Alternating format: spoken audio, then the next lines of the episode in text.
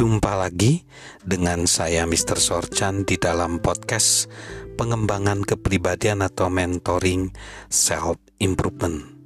Saat ini kita belajar bagaimana agar kita menjadi konektor yang menginspirasi orang lain.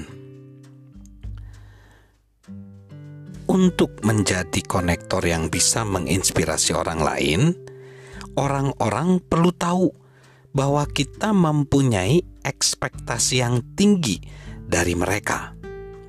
Presiden Abraham Lincoln, seorang komunikator yang luar biasa, dikenal selama perang bersaudara menghadiri sebuah gereja yang tidak jauh dari Gedung Putih pada setiap Rabu malam.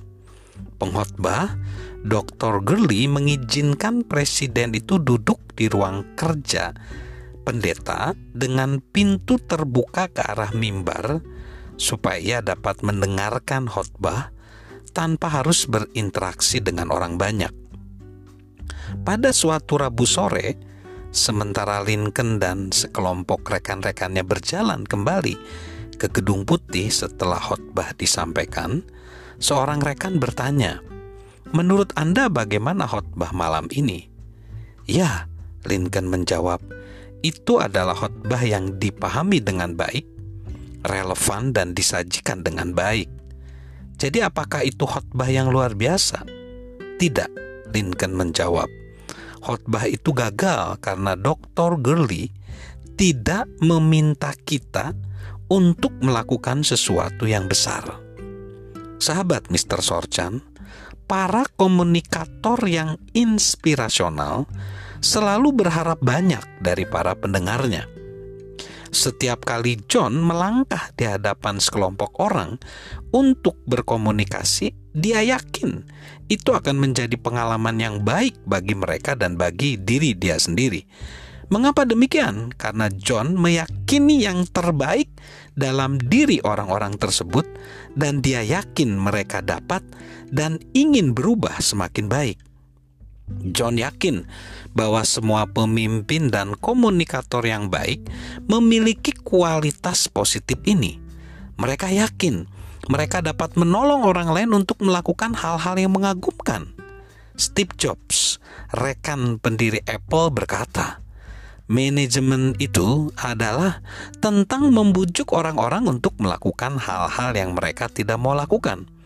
Sementara kepemimpinan adalah tentang mengilhami orang-orang untuk melakukan hal-hal yang mereka tidak pernah pikir mereka bisa lakukan saat John berkomunikasi dengan orang-orang, dia melakukan sesuatu yang dia sebut menaruh angka 10 di kepala mereka.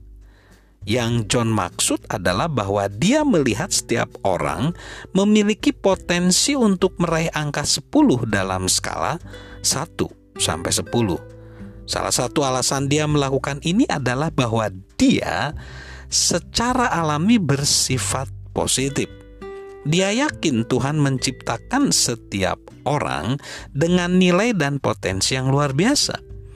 Tetapi alasan lain mengapa dia melakukan hal ini karena dia yakin sebagian besar waktu orang-orang menanggapi ekspektasi dari orang lain. Jika dia melihat seseorang dengan angka 5, dia akan memperlakukan sebagai angka 5 dan berbicara kepada orang tersebut sebagai angka 5 dan kemungkinan besar setelah sementara waktu dia akan meyakinkan orang itu untuk melakukan angka 5. Apa nilai dari itu?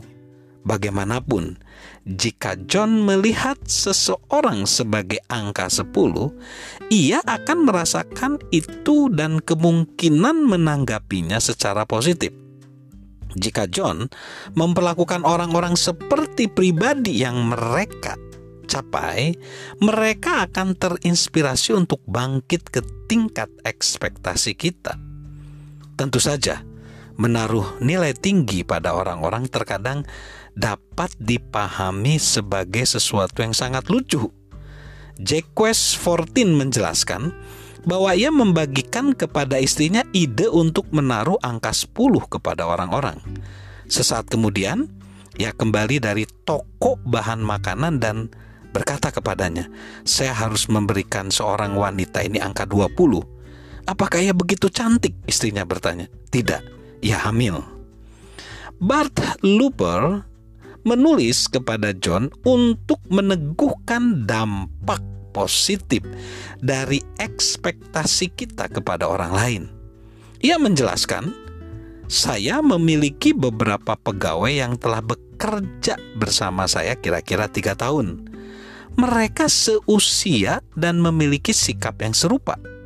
Saya menyadari bahwa alasan mengapa satu dari mereka jauh lebih maju dibanding yang lainnya itu terletak pada saya. Suatu saat, pada tiga tahun terakhir ini, saya memandang satu di antara mereka sebagai angka 10 dan yang lainnya sebagai angka 5. Saya telah memperlakukan mereka seperti itu dan mereka telah bertumbuh seperti itu pula. Mulai Senin pagi, saya akan memastikan bahwa saya memperlakukan, melatih, dan membagikan visi saya setara dengan mereka karena mereka memiliki potensi yang sama. Saya hanya perlu mengkomunikasikannya kepada mereka.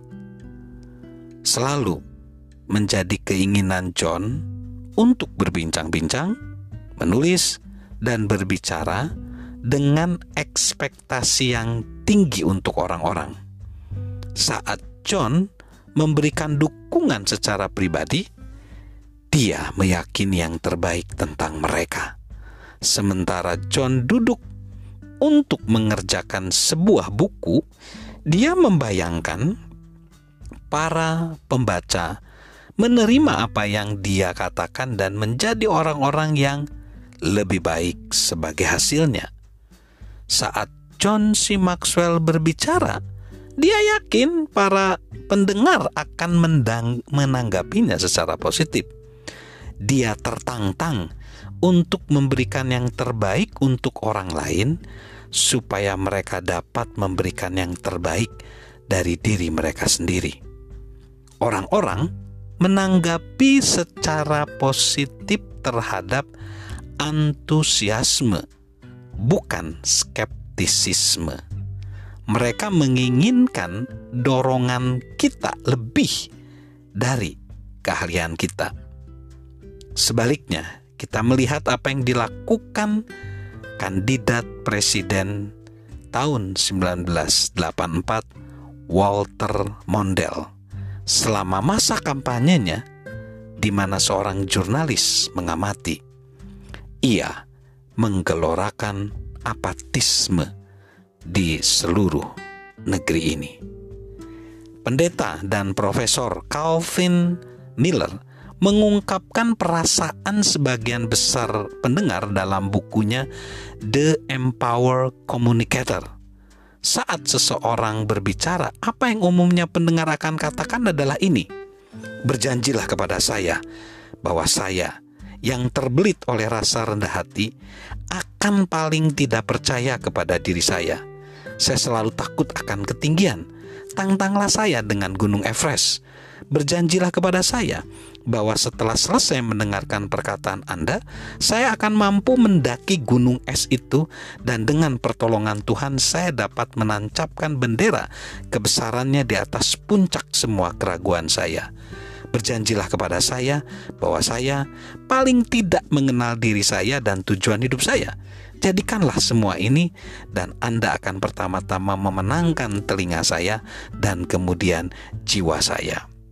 Sahabat Mr. Sorchan, setiap orang ingin diilhami, setiap orang ingin menjadi, eh, setiap semua orang ingin seseorang mempercaya mereka.